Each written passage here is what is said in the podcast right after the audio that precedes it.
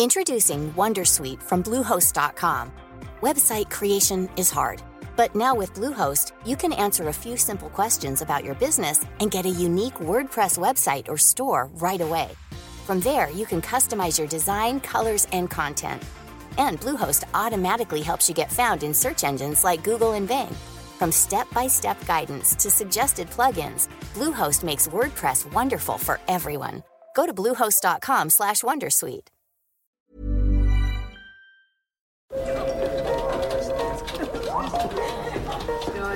Dette er lyden av norsk næringsliv. Akkurat nå tas det små og store valg som kan bli avgjørende for fremtiden. Med økonomisystemet X-Leger tas disse beslutningene basert på informasjon i sanntid, slik at drømmer og ambisjoner kan bli virkelighet. Få kontroll og oversikt. Gå inn på xledger.no.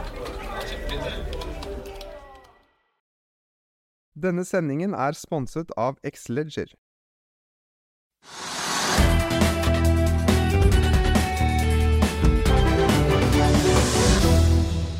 Vi skal også ta en prat med sjefen i Horisont Energi, som har fått seg en opptur på børsen i dag. Men vi begynner jo selvfølgelig med rentemøtet, hvor Kristin Christine Lagarde, sentralbanksjefen i eurosonen, varslet uendret rente på minus en halv prosent, eh, men åpnet for lavere støttekjøp. Sjeføkonom i DNB Markets, eh, Kjersti Haugland, velkommen til oss. Takk. Ja, vi, Var du overrasket over rentebeslutningen, eller får vi begynne der? Rentebeslutningen var jeg definitivt ikke overraska over. Det er ingen som tror at eh, renta kommer til å bli rørt eh, i ECB på lang tid framover ennå. Så det var det det sto om i dag, var jo om eh, disse støttekjøpene i PEP-programmet, som er dette her pandemi emergency-programmet som har blitt kjørt siden i fjor vår. Om det kom til å bli trappa ned litt. Fordi i mars så steppa de jo opp disse kjøpene, og, og har holdt de oppe siden den eh, tid. Og nå i det siste har det kommet noen eh, gode inflasjonstall, eller jeg vet ikke om vi skal kalle de gode, men de har iallfall vært høye. Og det har fått en del hauker i eh, Governing Council til å bruse med fjøra i forkant og si at nå er det på tide å trappe ned kjøpene. Og ganske riktig, nå har ECB enstemmig vedtatt at støttekjøpene via dette programmet skal være litt moderately lower i det kommende kvartalet i forhold til det de har vært i de to foregående kvartalene. Og det betyr nok Nå sier ikke de noe spesifikt om milliardsummen her. Eh, de velger bare å snakke i litt vage termer. men i de siste eh, kvartalene så har de kjøpt for rundt 80 milliarder i måneden eh, i dette PEP-programmet. Antageligvis så vil de nå gå rundt, ned til rundt 70 milliarder. Ja, så det var uh, Altså Dette kriseprogrammet som du snakker om, PEP, uh, jo, de har jo et fra før uh, som ligger på rundt 20 milliarder euro i måneden. Men dette kriseprogrammet fra i fjor har de jo klint til med 80. kan vi nå tolke det som at de, de faktisk tror at økonomien trenger litt mindre støttehjul? Jeg ser jo at Kristin Lagarde peker jo på at det fortsatt er to millioner færre sysselsatte i eurosonen enn det det var før pandemien. Ja da, hun, hun, hun, går jo fram forsiktig her. Hun konstaterer at økonomien har utvikla seg sterkere enn forventa så langt i år. Og det visste vi på forhånd. Vi har jo fått statistikken som har kommet inn. Viste at eh, både ECB og andre anslags eh, prognosemakere eh, har tatt litt for lite inn når det gjelder veksten i andre kvartal. Så BNP-vekstprognosen for 2021 er definitivt løfta. Sånn sett så trenger jo økonomien mindre støttehjul enn det som en frykter. Og det er noe av grunnen til altså Nå sier Kristin Lagarde at det, eh, denne rekalibreringa, som hun kaller denne nedtrappingen av støttekjøpene. Hun vil ikke kalle det for tapering. This lady is not tapering, sier hun. Eh, men eh, dette her er fordi at eh, hun ikke frykter at de finansielle vilkårene altså det, de lånevilkårene som bedrifter og husholdninger står overfor dag til dag, at de vil forverres som følge av en sånn nedtrapping. Og Det er jo fordi økonomien går bedre, og da blir de finansielle vilkårene med en gang bedre enn det de ville vært uten en sånn eh, utvikling.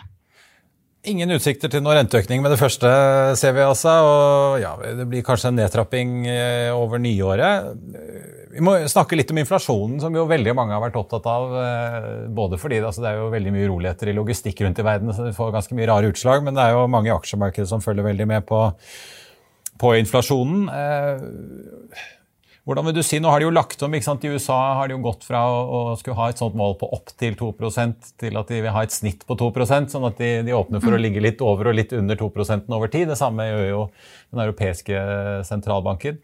Eh, jeg bare merket meg at de, de, åpner jo for at de kan ligge litt over, men eh, blir det noe inflasjon over 2% i eurosonen med det første, tror du?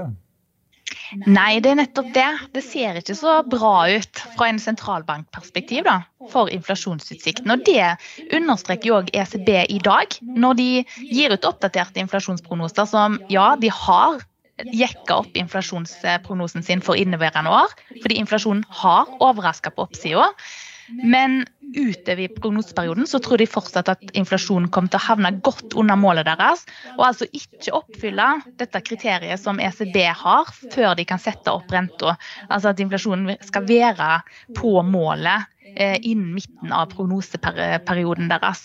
Så det er helt klart mye slakkere utsikter for inflasjonen i eh, eurosonen, og derfor òg utsikter til en veldig mye mer ekspansiv pengepolitikk enn f.eks. i USA. Ja, for, ligger, de, litt bakpå? Altså, ligger eurosonen litt eh, bak i leksa i forhold til USA her? Absolutt. Eh, det er nesten litt urettferdig å sette det opp på den måten. For vi kan kanskje heller si det sånn at USA ligger fryktelig mye i tet i forhold til resten. Pga. de ekstreme krisepakkene som har blitt levert eh, i løpet av fjoråret og i år. Og som òg kommer til å bli fortsette å bli levert i år og fremover i form av infrastrukturpakker. Så dette voldsomme finanspolitiske løftet i USA, det er ikke sånn som vi verken har sett i samme dimensjon i Europa og slett ikke i eurosonen, eller kommer til å se antageligvis i årene som kommer. Og Dermed så ligger det an til at eh, livet etter pandemien blir på en måte litt mer av det samme. Vi er ikke i noe bedre tilstand, bedriften og husholdninger, enn det som vi var før pandemien. og da var det moderat lønnsvekst, moderat eh, inflasjonspress. Eh, og det kommer antageligvis til å være tilfellet òg nå etterpå. Selvfølgelig så er det disse flaskehalsene nå som presser opp inflasjonen, og kanskje særlig på produsentpriser, og ikke så masse på konsumentpriser. Iallfall ikke ennå.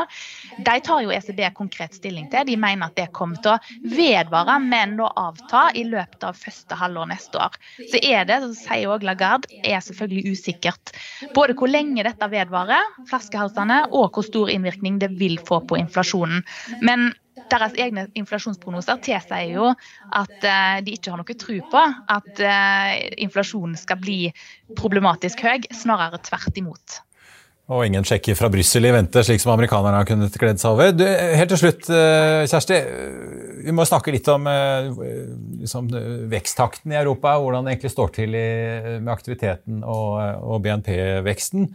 Jeg ser jo nå at ECB oppjusterer prognosene sine til eh, en vekst på 5% i år og ja, 4,6% neste år. Det er jo tall som ligger godt over hva f.eks. SSB forventer i Norge, men det har kanskje litt med, med utgangspunktet å gjøre? Det er nettopp det.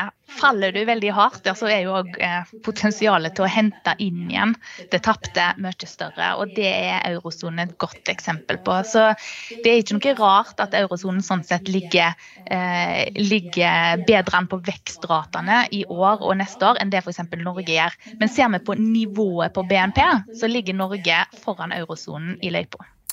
Kjersti Haugland i DNB Markets, uh, sjeføkonom der. Tusen takk for at uh, du var med oss. Så får vi følge spent med. Og så er det jo ikke minst rentemøte i Norges Bank 23.9., men der vi vel, uh, trenger vi ikke å gjette en flaske vin engang på at det blir renteoppgang der? Nei, absolutt ikke. Det blir ei veldig billig flaske vin i så fall. Takk skal du ha. Vi snakkes.